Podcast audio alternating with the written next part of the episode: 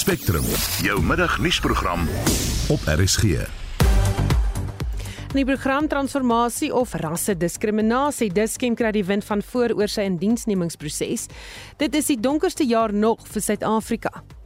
Daar was al reeds meer as 2100 ure se beurtkrag, oorgeset synde 90 dae beurtkrag wat Suid-Afrikaners moes trotseer wat gewissel het van fase 1 tot fase 6. En hulle blyk gestrom in na Francie Swanepoel se afsterwe.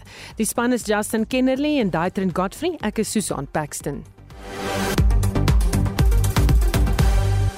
Daar is geen verkeer.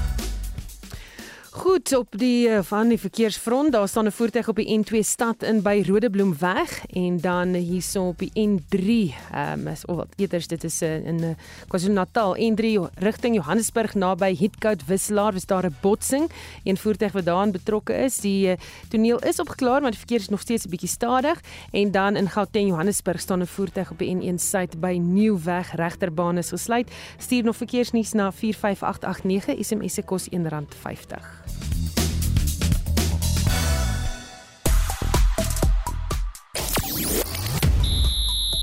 Goeiemiddag in sportnuus bietjie later. Cricket. Namibië het gister in die openingswedstryd van die eerste ronde gespeel en vir die eerste keer met 'n top 10 cricketland afgereken. En die Springbok vroue rugbyspan misluk om moontlik vir die kwartfinale van die Wêreldbeker te kwalifiseer, na hulle net net teen Fiji vasgeval het. Die volledige bulletin volg bietjie later. Dis Christo Gawie vir RSG Sport. En op sosiale nuus Susan soos wat jy genoem het stroom huldeblyke in op sosiale media nadat die Afrikaanse aktrise en TV-aanbieder Francie Swanepoel die naweek oorlede is. Ons hoor later in die program meer oor haar as persoon en haar nalatenskap. En die hitsmerk Whites is al meer as 14000 keer gedeel onder meer na aanleiding van Dischem se onlangse moratorium op die uitsluiting van sekere rassegroepe in hulle werwings- en bevorderingsprosesse en ons berig binnekort hieroor. Ek is later terug met nog sosiale media nuus. Dankie Estine. Wêreldvoedseldag is gister gevier en die Wêreldekonomiese Forum se tema was laat niemand agter nie. Gegee die ekonomiese uitdagende tye waarin ons leef, hoe help jy minderbevoorregtes met kos of ander hulp of verkies jy om op ander maniere hulp te verleen? Laat weet gerus stuur 'n SMS na 45889 teen R1.50 per boodskap of praat saam op die Monitor en Spectrum Facebookblad. Jy luister na Spectrum. Elke weekmiddag tussen 12 en 1. Dis nou 8 minute oor 12. Die gord is gaar oor Dischem se onlangse moratorium op die uitsluiting van sekere rassegroepe in 'n werwings- en bevorderingsprosesse. 'n Uitgelekte dokument eh, dokument eerder wys dat Dischem se uitvoerende hoof, Ivan Salzman, bestuurders vra om die maatskappy se diensbillikheidsprofiel te verbeter en transformasie te bewerkstellig. Die hoof van Solidariteit se navorsingseenheid, Connie Mulder, sluit nou by ons aan. Goeiemôre Connie. Goeiemôre Susan. Ons verstaan die brief is uitgelek. Diskem het dit teruggetrek en hou hulle voet by stuk dat die inhoud steeds relevant is, is net verkeerd bewoord. Ehm um, ja, soos ons, ek dink ons moet dalk net eers gaan na wat die inhoud is. Dis nie net uh, edele bedoelings om te sê ons moet ons transformasie uh, profiel verander nie. Dis 'n uitdruklike stelling dat ons geen wit mense meer gaan aanstel of bevorder nie. Ehm um, nou hulle sê die brief is sleg bewoord, maar die beleid bly nog in plek wat impliseer ons moet aanvaar. Hulle het dan nou 'n moratorium daarop gestel. Hulle wil geen wit mense meer aanstel of bevorder in die maatskappy nie. En ek dink dit is wat ons uh, eersins werklik kwaad maak en tweedens nogal geskok laat dat jy in 2022 'n maatskappy het wat gemaklik voel met 'n beleid aankondig waar hulle 'n hele groep mense suiwer gebaseer op hulle veldkeer uh, net uitsluit van poste of bevorderings in die maatskappy. Ons lede het die brief vir ons gelek onder groot intimidasie. Daar's gesê as uitgevind word wie die brief gelek het, gaan hulle eh, gevolge tot gevolge gaan gaan daar wees.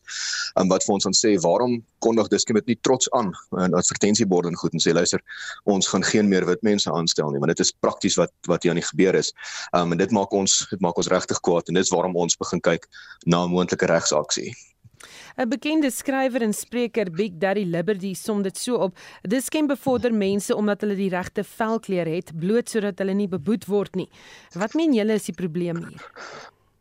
Um ek dink dis tweeledig. Die eerste is 'n probleem is daar's 'n stelsel in plek wat hierdie gedrag nie net aanmoedig of al nie dit moontlik maak nie, maar aanmoedig. Nou Dischem self gaan baie verder as wat die regering vereis um in in hulle diensbillikheidswetgewing. Bedoelende is uh, daar's daar's 'n reuse verskil en dit is die fyn nuance wat ons moet altyd onthou tussen sê ons wil graag meer mense insluit in die ekonomie en ons wil spesifiek mense van sekere agtergronde inkry uh, teenoor wat Dischem nou doen wat is ons gaan 'n hele groep mense suiwer gebaseer op hulle velkeer uitsluit. En dit word so uitdruklik gestipuleer in die wet op diensbillikheid in uh, artikel 15.3 en 15.4 wat sê jy mag nie 'n absolute kwota of 'n absolute plafon stel nie. Jy mag nie sê dat velkeer jou diskwalifiseer van enige pos nie tog gaan hulle gaan hulle doen presies dit um om hierdie uh, stuk wetgewing dan wat hulle vrees is is 'n uh, boete uh, op die JSE basis om dit te implementeer. Nou ons moet werklik vra vra as wetgewing van 'n maatskappy vereis om 'n hele groep mense net gebaseer op hulle velkleur uh, uit te sluit. Dan moet ons regtig vra vir oor die oor die moraliteit van hierdie wetgewing en of dit sin maak. In Diskem se geval is die wetgewing nog nie eens van krag nie. Dis 'n maatskappy wat net vrywillig hopeloos te ver gaan en hier uh, dink ek daar's goeie regspresedent rondom absolute kwotas of absolute plafonne. Ons het hierdie geveg al verskeie kere geveg en ek dink dit is helaas nodig dat Diskem weer 'n bloedneus kry. Nie net vir hulle om te leer dat jy jy kan nie net mense uitsluit uh, so ruiterlik en absoluut absoluut op grond van ras nie. Ehm um, maar dat daar gevolge is indien jy so iets sou doen. Die Black Business Council se uh, Krankie Matabane ondersteun die stap. Kom ons hoor gou wat hy gesê het. We supporting the CEO and I think the CEO must ignore the noise and continue with what he's doing. The CEO of this can is not saying he's going to fire all white people and hire black people. He's not saying white people must not be there. Uh, even the DE Act does not say white people must not participate in the economy. Even ourselves, what we are saying, we are saying the economy management, the economy control must reflect the demographics of South Africa. Demographics include everyone; it does not exclude anyone. So the argument that climate equity is excluding any race is, is, doesn't make sense. Goed, jou reaksie op wat hy nou hier sê. Ek dink hy misverstaan dalk die woord insluit hier want wat Diskem doen is beslis nie insluit nie. Hulle sluit uitdruklik 'n hele rasgroep uit. Dit is wat hierdie beleid doen. Um inteendeel, hulle gaan myle verby wat die uh regulatoriese vereistes op hulle is. En ek dink uh, om dan 'n uh, 'n goedkoop argument te voer dat hulle hierso in die gees van die wet optree. Hierdie is geensins dit nie as jy daai memo lees. Ehm um, dis dood eenvoudig ehm um, hulle hulle hulle probeer net voldoen uh, ten koste van hulle personeel. Ehm um, redelik en dit is is 'n uitdruklike uitsluiting van mense gebaseer op geen ander kriterium as as hulle velkeer nie. Nou dit ons het 'n probleem met die uh, ekonomiese uh, swart ekonomiese bemagtiging wetgewing in Suid-Afrika. Ons dink dit bereik nie die doel wat dit moet nie. Ons moet veel eerder begin kyk na sosio-ekonomiese bemagtiging wat ons seker maak ons maak nie uh, minister se seuns miljonêers nie, maar veel eerder dat ons werklik arm mense help om om in diens te kom en werke te kry om te kan gesinne begin en hulle kinders skool toe te stuur. En ek dink hierdie is die uitvloeisel van 'n beleid wat streng en eng op ras fokus en met 'n privaat sektor wat dan dink hulle doen die regte ding. Ek dink dis dis wat ons die meeste frustreer is hierdie is 'n maatskappy wat vrywillig eintlik dan besluit ons gaan teen 'n enorme hoeveelheid van ons eie werknemers sowel as potensiële werknemers ehm um, diskrimineer net omdat hulle op 'n sekere manier lyk. En dit is iets wat ons verseker in die hof gaan uitdaag, maar bo-op dit van wat ons kan sien, die die woede is van so 'n aard onder ons lede ehm um, en ons uh, mense mense wat ons volg op sosiale media dat ek vermoed Diskem sien uh, staar ernstige verbruikersaksie in die gesig met mense wat dood eenvoudig sê maar as julle nie my geld soek nie, as julle nie my velkleur nie soek nie, dan gaan ek my geld na 'n ander apteek toeskuif. Baie dankie, dit was die hoof van Solidariteit se navorsingseenheid Connie Mulder. Die leier van Build One South Africa, Musi Maimani, sê die afwesigheid van 'n SAIK raad sal lei tot misbruik binne die korporasie omdat daar nie 'n liggaam is wat kan toesig hou nie. Die SAIK is tans amptelik sonder 'n raad nadat die vorige raad se termyn gister verstryk het.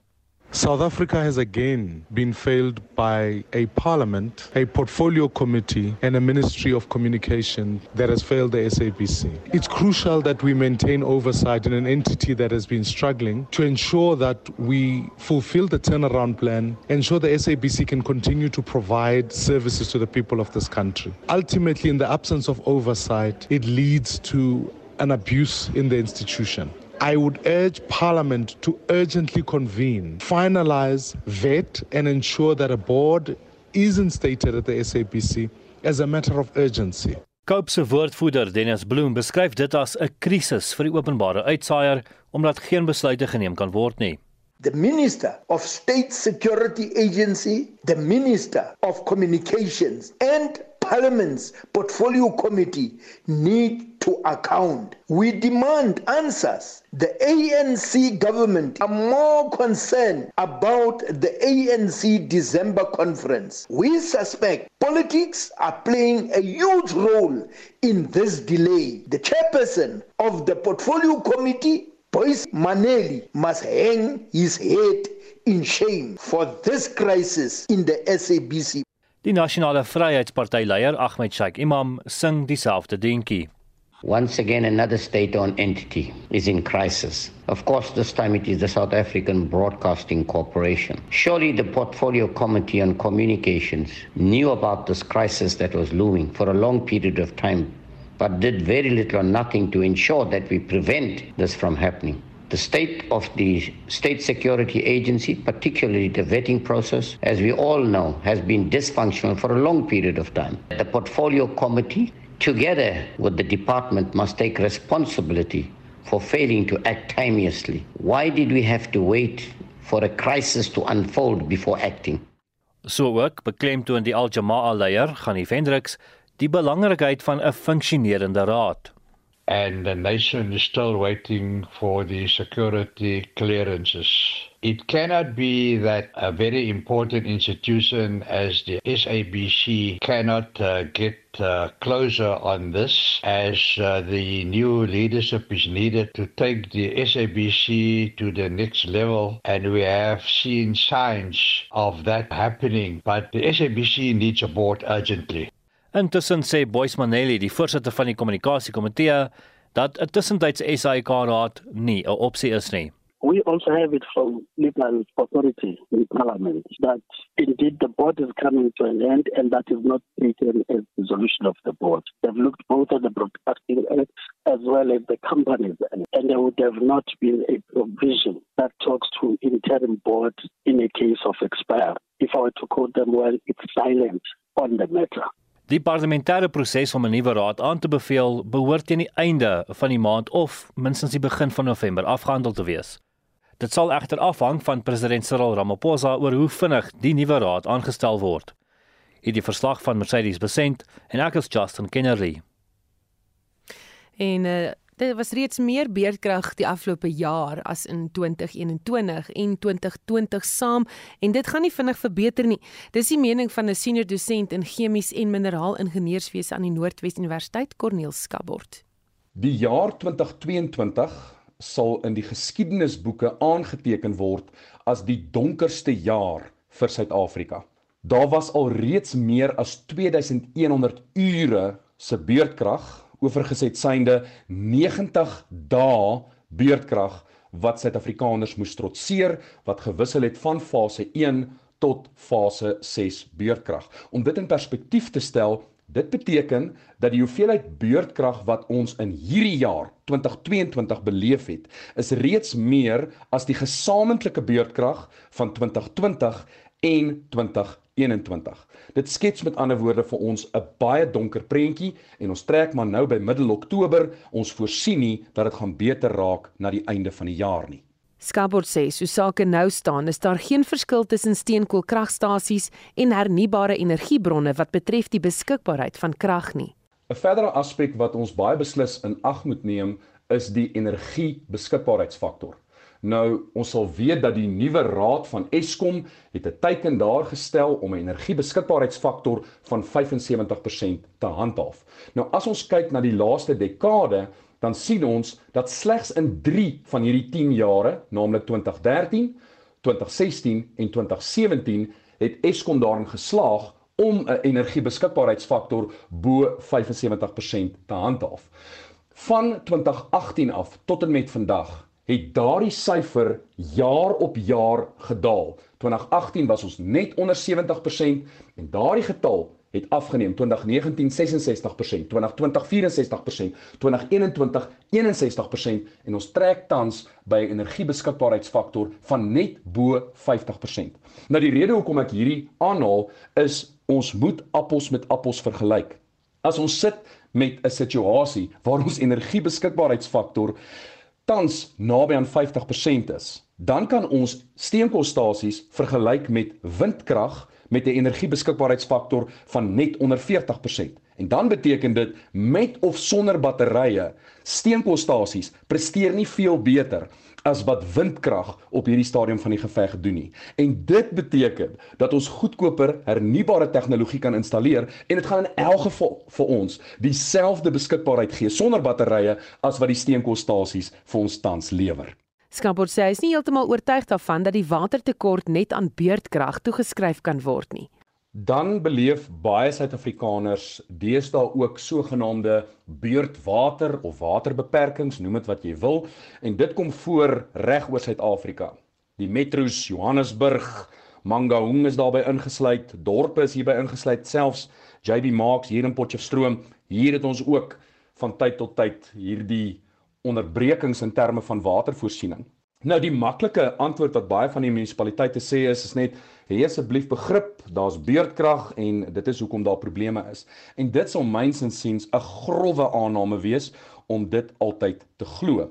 Die realiteit is beurtkrag is al met ons vir die laaste 14 jaar, maar hierdie watertekorte is eers maar in die laaste tyd iets wat sy kop uitsteek. So, wat is die rede vir hierdie watertekorte? Ja, ek gee toe, daar sal definitief 'n bydraende faktor wees in terme van beurtkrag, maar dit is beslis nie die enigste rede nie. Swak beplanning oor dekades heen het daartoe gelei dat 'n groeiende bevolking in dorpe en stede nie voldoende aangespreek is nie en gevolglik is dit bloot nie moontlik om selfs met krag die nodige hoeveelheid water te kry waar dit nodig is nie. So Suid-Afrikaners kan hulle beslis staal vir watertekorte in die afsienbare toekoms soos wat die bevolkingsgroei in stede en dorpe en soos wat die kapasiteit nie uitgebrei word nie. En dit het myns insiens nie primêr te doen met Eskom nie, dit het te doen met swak beplanning wat ongelukkig nou hierdie vrug dra. Skaport sê Jan Oberholse van Eskom se voorstel dat ons vir 18 maande aanhoudend beerdkrag moet hê, is nie noodwendige oplossing eerder as 'n noodsaaklikheid nie. Daar word baie gepraat oor volgehoue fase 2 beerdkrag oor die volgende 18 maande maar ek weet nie noodwendig of dit 'n plan is en of dit eerder 'n situasie is van Eskom het nie veel van 'n ander keuse nie. Die realiteit is daar is 'n tekort aan opwekkingskapasiteit en dit moet of aangevul word en as dit nie aangevul kan word nie, dan beteken dit daar moet gesny word en dis hoekom ons beurtkrag het. So vanuit 'n Eskom oogpunt, ja, maak dit sin. Dit beteken daar's minder druk op Eskom om steenkoolstasies so gou as moontlik weer in bedryf te stel en dit beteken die noodsaaklike instandhoudingswerk kan rustig gedoen word en kan ordentlik gedoen word wat dan die gevolg het dat so 'n stasie nie na 2 of 3 weke maar net weer onklaar raak en jy met dieselfde probleem van vooraf sit nie. Verder moet ons ook in ag neem dat as daar volgehoue beurtkrag is, beteken dit Eskom hoef nie so swaar te steun op sy noodkrag nie. Ons moet weet dat as daar gebruik gemaak word van diesel in die vorm van oop siklus gasturbines, dan word daardie krag opgewek teen R5 plus per kilowattuur. Maar daai selfde elektrisiteit word dan verkoop aan die verbruiker teen net meer as 'n rand per kilowattuur. Met ander woorde, Eskom boer agteruit. Daar's 'n groter verlies vir Eskom elke kilowattuur wat opgewek word deur middel van oop siklus gasturbines. So 'n volgehoue fase 2 beurtkrag mag dalk daartoe lei dat Eskom minder verliese ly in terme van noodkragopwekking. En dit was 'n senior dosent in chemiese en mineraalingenieurswese aan die Noordwes Universiteit Corneel Skabord. Eskom is van plan om fase 1 beurtkrag van vanmiddag 4uur af tot en met middernag toe te pas. Dit geld tot Woensdag. Groot dele van Johannesburg, Tshwane, Ekurhuleni en Mogale City is steeds sonder water. Van die reservoirs is net op 50% oopgestel terwyl ander reservoirs gisterand gesluit is om waterkapasiteit op te bou. Dit blyk egter ook of Randwater water vanaf die Eikenhof reservoirstelsel wat water in groot dele van Johannesburg voorsien, herlei na die Palmietstelsel in Alberton.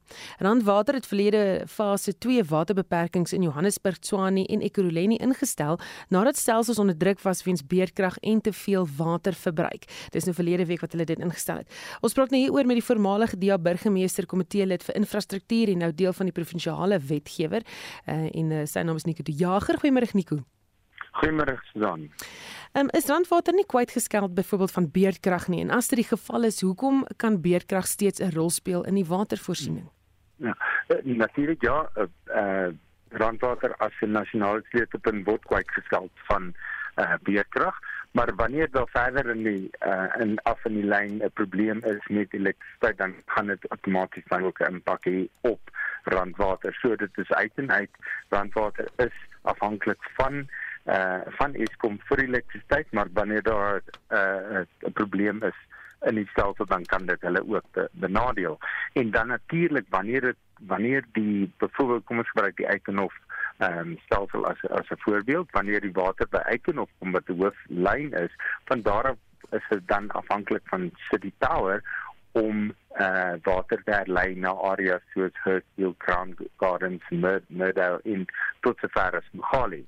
So wanneer beerkrag dan toegepas word op uh Johannesburg en in die geval die tower dan word daai areas ongelukkig beïnvloed en dan kan daar nie water gepomp word na daai daardie reservoirs nie. En dit is uit die aard van ook hoekom ons as idee al, al reeds verlede jaar 'n versoek gerig het om alle waterinfrastruktuur sowel as power infrastruktuur kwyt te skel van enige beerdkrag. Hmm. Goed, so Randwater het 'n kennisgewing uitgereik dat water vanaf Eikenhof herlei is na die Palmietstelsel. Maar as hierdie hmm. besluit die Randwater in oorleg geneem met Johannesburg Water of die ander munisipaliteite wat daardeur beïnvloed word? Hmm. Ja, my my ehm um, mense wat my ek gesels het, het gesien nee, hulle is nie daarmee daan daar of dis nie met hulle gekonsulteer daaroor nie en natuurlik het dit 'n impak van 100 100 'n miljoen liter water word herlei elke dag. 100 miljoen miljoen liter water. Net om dit in konteks te plaas dis basies 3 drie reservoirs van daai groot reservoirs wat ons sien. Dis drie van hulle wat nou net ewe skielik uit die uit die uh, equation uitgeneem is en dit beteken dat dan dat dit 'n uh, hengse impak het op die die mense wat deur daai uh, lyn gevoer word. In die geval en dit is wat ons gesien het dan ook Saterdag toe ehm um, Randwater doeteenvoudig besluit het om water te herlei van Eikenhof na Palmiet stelsel toe het uh, die reservoirs van Hurstfield drooggeloop en teen gisteraand was hy res reservoir gesluit en moes dit vir 8 ure af afgesluit word net sodat dit tot 'n mate kan herstel om verder te kan weer te kan water voorsien vandag. Maar dit is ongelukkig die die nagevolge van van wat gebeur en in Rodepoort wanneer water by Rodepoort kom moet dit gepomp word oor 'n koppie tot by by eh uh, Mogale. En as daar enigins eh uh, kragonderbrekings of aanhoudende kragonderbrekings is dan kan Mugali nie water kry van daai stelsel af nie en dit outomaties gaan dan ook daai mense sonder water los soos wat ons gesien het dat gebeur daar verlede week. So wat is die beste oplossing in hierdie watervoorsieningsprobleem? Die beste oplossing is wel daar's dis 'n uh, veel van die volgende oplossing wat op waarna ons kyk. Die onmiddellike oplossing is dat dat dat infrastruktuur kwyt gestel moet word van van beerkrag. En dit is nie so moeilik as wat dit klink dit is basies net die isolasie van toevoer en ehm um, dit is die een oplossing. Die dan die verder op en dit is kan onmiddellik gebeur. Ek dink daar's genoeg ingenieurs by City Power om dit te kan doen. Dit is basies net iets wat afgekondig moet word uh, glo ek van 'n van 'n presidentsiële vlak af en dan die ander oplossing dit moet 'n oorlog verklaar teen waterlekke en gebarste pipe tot 27% van alle water in Johannesburg wat verbruik word gaan verlore as gevolg van gebarste pyp tegniese probleme. Dan sal verder 25% dat verlore gaan as gevolg van eh uh, van die feit dat dit nie gemeet word nie en so. Ons is wat ons basies dan nou noem unaccounted for water. So ons moet daai oorlog verklaar. Ons moet die eerste ons moet 'n uh, wat ons ook noem 'n first line of die, uh, of response spanne kry by alle depots om te om te kan uh, seker maak dat sodra 'n groot bars plaasvind dat ons daai bars kan isoleer en dat die water nie vermors word nie. En dan moet ons ook onmiddellik begin met in areas waar daar uh, flat rates ingestel is, moet ons begin om daai areas te monitor vir vir gebarste pype waar daai inwoners dit nie tot hulle vir hulle enige baat vind om 'n loodgieter te bel om 'n gebarste pyp op hulle perseel te kom kom uh uh, regmaak nie. En dit veroorsaak ons ongelooflik baie water ook verloor in areas waar wat so selfvol in werking is. Hmm. Van uh, ja, so Ja, dit klink vir 'n probleem. Dis by beide beplanning en die uh, inwoners wat uh, moet water spaar op hierdie moment. Ons het gepraat met die DA raadslid in die Gautengse provinsiale wetgewer wat ook voorheen die burgemeesterskomitee lid vir infrastruktuur was, Nico de Jager. Sakeliga sê sy oorwinning in die Hooggeregshof in Mbatu om verligting te bring in die watertekort in die Ditsabotla munisipaliteit wat Lichtenburg en Kolini insluit, is maar slegs die eerste stap. Die dorpe gaan gebuk onder dienslewering krisis weens 'n tweespalt in die munisipaliteit. Die Nasionale Raad van Provinsies het ook intussen besluit om die raad te ontbind weens die faksiegevegte. Ons praat nou met Tian Alberts, die regsverteenwoordiger van Sakeliga. Goeiemôre Tian. Goeiemôre Susan. So wat presies het julle die hof gevra? Uh, so net om mee te begin, ons het ons het 'n deel A, deel B aansoek gebring. Uh deel A was 'n dringende aansoek wat uh verlede week aangehoor is uh wat hoofsaaklik gegaan het oor die watertoevoer in die dorp in Lichtenburg, Kolinie en die omliggende uh, informele nedersettings. Uh verlede week se aansoek het gegaan daaroor dat die watertoevoer wat op die oomblik um nie eintlik bestaan nie, uh weer herstel moet word. So dit is wat ons hier op verlede week gevra het en dan in ons uh, tweede been van ons aansoek wat op 10 November aangehoor word, is uh, vra ons meer omvattende medium termyn regshulp uh wat die gemeenskap kan bystaan uh oor 'n oor 'n langer tydperk. So wat beteken die uitspraak in julle guns nou? Die uitspraak dat uh, oh, Net vir my ons het pas daar vir Tian Alberts verloor. Ons gaan kyk of ons sommer net die naaf op die lyn kan hê. 1233 die korrupsiesaak van oud-president Jacob Zuma en die Franse wapenvervaardiger Thales wat veronderstel was om vandag in die Hooggeregshof in Pieter of is veronderstel om te hervat in Pietermaritzburg. Maar met Zuma se hangende appel aansoek na die konstitusionele hof om advokaat Billy Downer as die staatsanklaer laat te laat verwyder, is dit nog nie heeltemal seker nie, maar dit voel vir my uh, dinge is daar aan die gang. Ons praat nou hieroor met die strafregkenner aan die Universiteit van Pretoria, Dr. Luan Kloos. Uh, Goeiemôre Luan. Goeiemôre Susan. So wat presies gaan aan? Waar staan sake op die oomblik?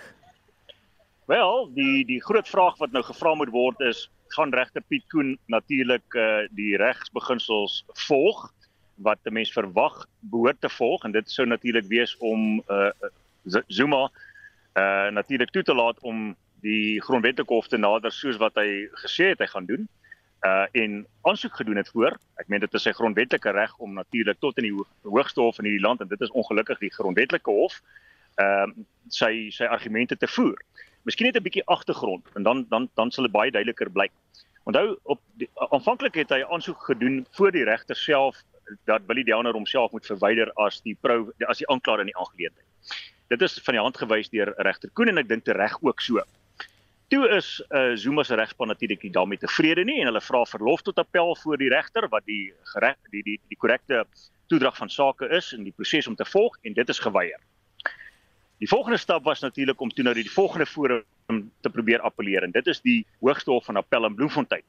Uh dit is gedoen by wyse van petisieprosedure aangesien regter Koen self die aansoek om verlof tot appel aanvanklik geweier het.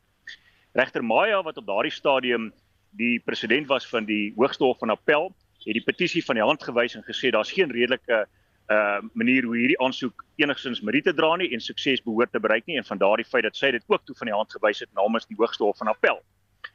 Nou ook is hy nie daarmee tevrede nie.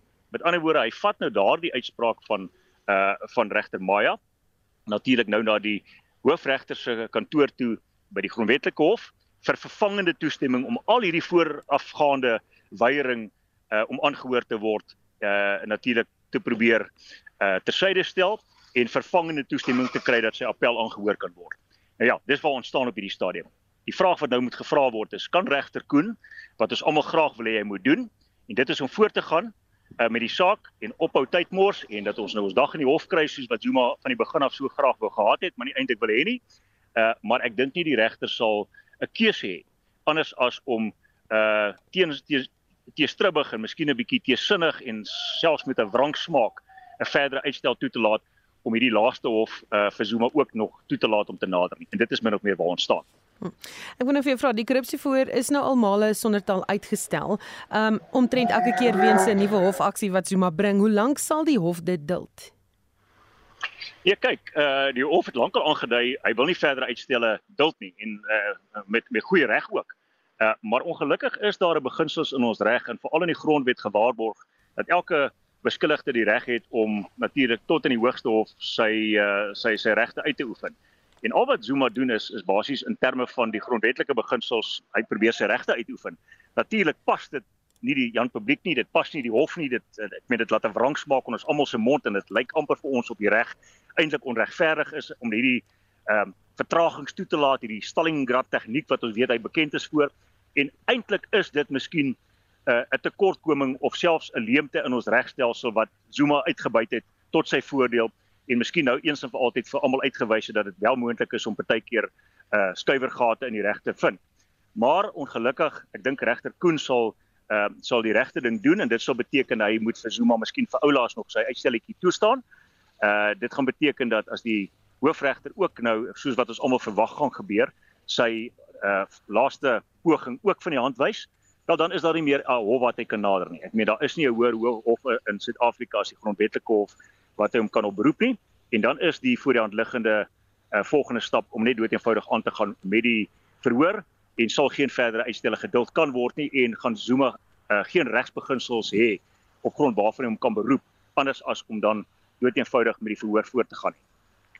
Baie dankie ons het gepraat met die strafregkenner aan Universiteit van Pretoria Dr. Louwelen Kloos. Jy luister na Spectrum op RSG.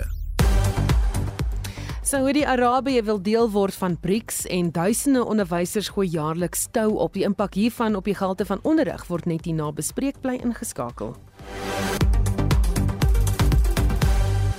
Daar is geen verkeer.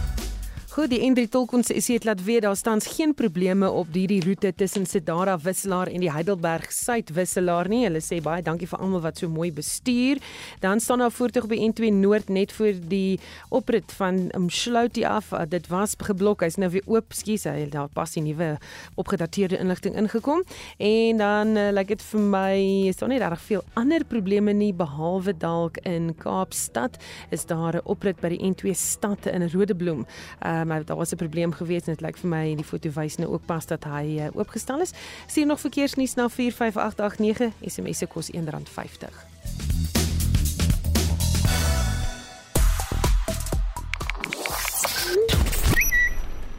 Op sosiale media is die hitsmerk apartheid reeds 22000 keer gedeel en dit is weens versk of in in in 'n aanleiding van verskeie kontekste. En die hitsmerk Zuma is ook baie gewild en soos wat Louwelen Kerloos nou net vir ons verduidelik het, dit is na aanleiding van oud-president Jacob Zuma en die Franse wapenvervaardiger talle se korrupsieverhoor wat vandag in die Hooggeregshof in Pietermaritzburg moes hervat, maar daar's vertragings en Susan ek het nou net gesien regter Koen het nou net 'n kort rukkie gelede die saak tot Woensdag uitgestel tot wanneer hy uitspraak sal lewer oor die toekomstige vordering van die saak. Dis Estie met die jongste oor daardie storie. Dan uh, ons praat oor uh, natuurlik 'n spesiale dag wat ons uh, het om fokus te plaas op voedselsekerheid en uh, het gaan daai spesifieke vraag kry. Dis wêreldvoedseldag. Dit was gister gewees en die wêreldekonomiese forum se tema was laat niemand agter nie. Nou dan oorals sê ek het 'n voedselskema gehad maar hy het dit laat vaar weens ouderdom en swak gesondheid. Chrissy van der Merwe wat sê ek koop dubbel soveel groente in my huis. Huishulp kry die helfte en dan Bets Ferreira wat sê ek gee ook vir my huishulp elke keer genoeg vir 'n maaltyd saam huis toe.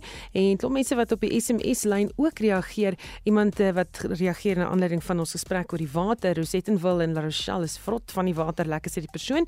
Dan die Diskem storie het ook 'n redelike klomp reaksie. In watter land leef julle? Diskem se beleid is die beleid van alle besighede en universiteite. Afriforum kla oor wit mense by Diskem, maar swart mense word nie toegelaat of in diens geneem in Orania nie. Is hierdie luisteraar se mening natuurlik. Dit is nie net Diskem nie, Bus, Miladys Pep Shoe City ensovoorts sien jy geen wit personeel nie. Afriforum sal verder met navorsing doen. Dis Chrissy wat vir ons dit laat weet het en nog 'n luisteraar wat sê dat uh, Diskem julle iets sopas um, al my en my vriende en familie vervreem. So dit is julle keuse. Nog iemand wat sê sal hierdie julle sal hierdie gereelde kliënt nooit weer sien nie. Jy is welkom oor enigiets saam te gestel, enige enige van die stories wat ons dra. Uh, SMS is 45889 dit kos R1.50 of op die Monitor en Spectrum blad. Christo Gawe die dag se sportnuus. Goeiemiddag. Die Proteas speel oor 'n week hulle eerste wedstryd by die IKR se T20 Wêreldbeker toernooi in Australië. Namibië het gister in die openingswedstryd van die eerste ronde gespeel en vir die eerste keer met 'n top 10 cricketland afgereken.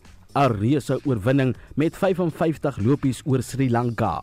Namibië het geëindig op 163 vir 7 na 20 bilbeerte. Sri Lanka is almal uitgehaal vir 108 lopies.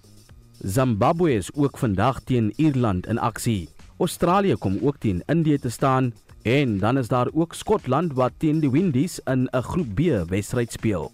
Die Springbok vroue rugby span misluk om moontlik vir die kwart-eindstryd van die Wêreldbeker te kwalifiseer na hulle net net teen Fiji vasgeval het. Die Springbok vroue het met 21-17 teen Fiji verloor. Die gasheerland, Nieu-Seeland, het 'n spogvertoning gelewer met 'n 56-12 oorwinning oor Wallis. Die Bulls se vertoning in die Verenigde Rugby Kampioenskapsreeks die naweek het veel te wense oorgelaat. Met twee wedstryde op toer in die noordelike halfrond het die Bulls nog geen ligapunte verwerf nie. Die Bulls het met 31-17 teen Munster verloor. Jake White het sy span se gebrek aan ervaring en die moeilike weeromstandighede uitgelig. Die Sharks was die enigste Suid-Afrikaanse span wat aan die wenkant was met hulle 40-12 sege oor Glasgow Warriors. Die Lions het ook vasgeval met 39-37 teen Ulster terwyl die Stormers en Ospreys gelykop met 16-11 geëindig het. In sokker is Real Madrid die wenner van gister se El Clasico, die groot tweestryd in Spaanse sokker teen Barcelona. Madrid het met 3-1 geseëvier. Hulle het ook nou die plek bo aan die punteleer by Barcelona gegaps.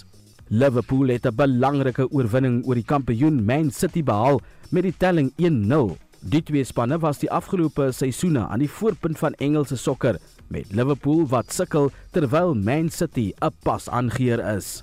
En Suid-Afrika se Steven Mokoka het weer eens die Kaapstad Marathon gewen, sy tweede agtereenvolgende sege en derde een algeheel. Mokoka het in warm toestande in 2 ure 9 minute en 58 sekondes geseëvier. Ethiopië het die vroue wenner opgelewer met twee atlete van Kenia net na Ethiopië se Maleka oor die eindstreep. Christo Gawie van RSG Sport. Spectrum, jou middagnuusprogram op RSG. 1246 Suid-Afrika het jaarlikse behoefte aan 25000 onderwysers om te kan verseker dat gehalte onderrig aan leerders gegee word, maar net sowat 15000 nuwe onderwysers kwalifiseer per jaar. Boonop verlaat tussen 18 en 22000 onderwysers jaarliks die beroep. So wat is die oplossing? Ons praat nou hieroor met Paul Estreisen, die bestuurshoof van School Days, 'n private maatskappy. Goeiemôre Paul. Goeiemiddag Susan. Waarop baseer jy die syfers en statistiek van hoeveel onderwysers benodig word hier plaaslik? Susan, um, ja, hierdie hierdie syfers kom uit die feit, uit die feite wat ons weet dat ons het amper 26000 skole, uh, daar's oor die 400 400 000 onderwysers, um, en en enige jaar van skool is daar meer as 13 miljoen leerders op die oomblik. Um, ons sien die nommers wat so uitkom as wel dat the, the, the behoefte and the need that we have within the education system is that we've got to keep producing because we've got teachers retiring. Um, numbers will qualify that we've got teachers over the age of 59 and 60 who are drawing near to retirement in the next three years, uh, where we will lose up to 40% of those um, meer as 400,000 onderwysers. En sê vir my in watter vakgebiede is die grootste tekort? Ja, dit is wel gesê altyd uh, wiskunde, wetenskap, taal, begrip. Um, en en en die gehalte van die onderwysers wat in die stelsel inkom. And the way to resolve this and to to address it is to say our shortages are across the board and one of the challenges we have is the quality of the of the research that's always done in these initiatives in understanding where all these weak spots and these uh, pressure points are in the education system. Jou organisasie School Days help families om skoolfonds te kan bekostig. Um, ek weet julle help baie mense, maar hoekom is julle belangrik dat hierdie kwessie oor onderwysers ook aangespreek word? Well, I, I have a view that we, we've got to keep the teachers teaching. How do we keep them from wanting to leave the industry? How do we how do we incentivize younger people to want to be coming into the into the teaching profession? Because so much of it is challenged by the number of learners that we have, the disadvantaged school areas where the numbers in classrooms stretch to 50 and 60 learners in a class. And then to attract someone into the profession says that it's crucial that we understand that at the hub of our teaching and, and all the, the development of teaching begins and, and centered and anchored in who our teachers are and that we have enough adequate teachers in the system. It's one thing saying, let's get a curriculum delivered into uh, the learner's environment, but it's about saying, how do we get a quality uh, outcome from what is being taught to all of these learners? So it's crucial for us in saying, yes, it's not only about generating revenue into the into the school environment and, and, being able to afford it. But it's about saying how do we keep teachers teaching? How do we draw them into mm. the industry? Baie dankie. Dit was die bestuurshoof van die private maatskappy School Days, Paul Esterhuizen. President Cyril Ramaphosa het bevestig dat Saudi-Arabië wil deel word van die BRICS-groepering. Dit volg na Ramaphosa se tweedaagse besoek aan die land waar hy spesifiek ook gefokus het op mynbou en die beleggings in hierdie sektor. Ons praat met 'n ekonom en professor by die Wits Besigheidsskool, professor Johan uh, Jannie Rousseau. Goeiemôre Jannie. Goeiemôre Suzanne, goeiemôre aan die luisteraars. Hoekom sou Saudi-Arabië wil deel word van die spesifieke groepering? Susan as 'n mens mooi hierna kyk, moet dit vir BRICS meer aantreklik wees om Saudi-Arabië te kry as vir Saudi-Arabië om deel van BRICS te word. BRICS soek lande met groot en sterk ekonomieë sodat die stem van BRICS meer duidelik gehoor kan word. Die enigste voordeel wat daar vir Saudi-Arabië kan wees is om kragte saam te span met lande wat nog steeds op fossiel brandstowwe staat maak. En daar sien ons dan byvoorbeeld Rusland, China en Suid-Afrika as lande wat fossiel brandstowwe gebruik en Saudi-Arabië natuurlik groot op olie. So ek sal kyk na die skakel rondom fossiel brandstowwe om voordeel vir Saudi-Arabië te soek. Hmm. Is hulle nie bekommerd oor die feit dat dit in politieke kringe gesien kan word dat hulle Rusland ondersteun nie? Want jy moet onthou lande se sentimente verander oor tyd. En lande het eintlik nie vriende nie. Lande het eintlik net geleenthede. So Saudi-Arabië gaan duidelik na die geleenthede kyk. Die oorlog van uh, tussen Rusland en die Oekraïne gaan daarom ook nou nie vir altyd aanhou nie. En Saudi-Arabië moet natuurlik ook dink aan die tydperk na die oorlog in die Oekraïne. So dit is 'n langtermynsiening wat Saudi-Arabië hier neem. Baie dankie. Dit was 'n ekonom en professor by die Wits Besigheidsskool, Janie Resou. Hulde Blykestrom in na die afsterwe van Francis Swanepoel in die ouderdom van 50 jaar oud. Alhoewel daar nog min inligting beskikbaar is oor wat presies gebeur het, is almal dit eens dat sy 'n groot leemte los. Sy was veral bekend as aanbieder van Fiesta en haar rol in binnelanders en getroud met rugby. Sy was ook 'n keer of wat op die RC op die Waterkunstefees te sien. Kollega en vriendin of eerder vriendin Margit Rodenbeck Meyer onthou haar so. Francis Swanepoel, ek gaan jou mis. Sjoe, dit was die slegste Sondag. Dit was net uit die bloute om te hoor jy is oorlede. Niemand van ons wou dit glo nie, niemand kan dit glo nie. Jy, ek het jou laas gesien in 2019 voor Covid was ons op die RSG boot, ons het so baie gelag. Ek kon dan net baie ons gelag het. Ons het die hele tyd gelag, ons het die maandagooggend afgeklim en gewag vir die vliegtuig in die spoor gaan sit en nog steeds gelag. Dit wat jy altyd kon regkry. Jy was een van die mees onpretensieuse mense wat ek ken. Jy het soveel geluid en daar was geen vernis nie. Dit was net jy was altyd besig om uit te deel. Jou kenners, jou liefde, jou glimlag, jou lag, jou jou pret, jou menswees. Die wêreld is definitief armer sonder jou. Ek begin eers praat oor wat 'n fenominale aktrise jy was nie. Hoe dan nou anders met al jou menswees. Ek gaan jou net mis. En die slegste is Ek het gehoop as nog so baie tye wat ons weer kan saam lag. en weer dinge kan doen en weer laf kan wees. Rus en vrede. Frans Swart van Lefra Produksie sê sy was 'n wonderlike kunstenaar wat baie vir die kunste beteken het. Ek was werklik uh, baie bevoorreg uh, om saam met Francie Swanepoel deur die jare saam te werk aan verskeie projekte.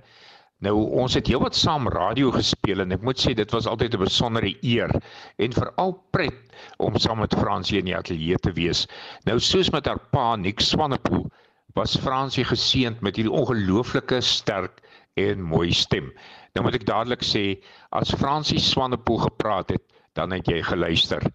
Sy was 'n ongelooflike harde werker en sy het die gawe gehad om aan verskeie projekte gelyktydig te werk.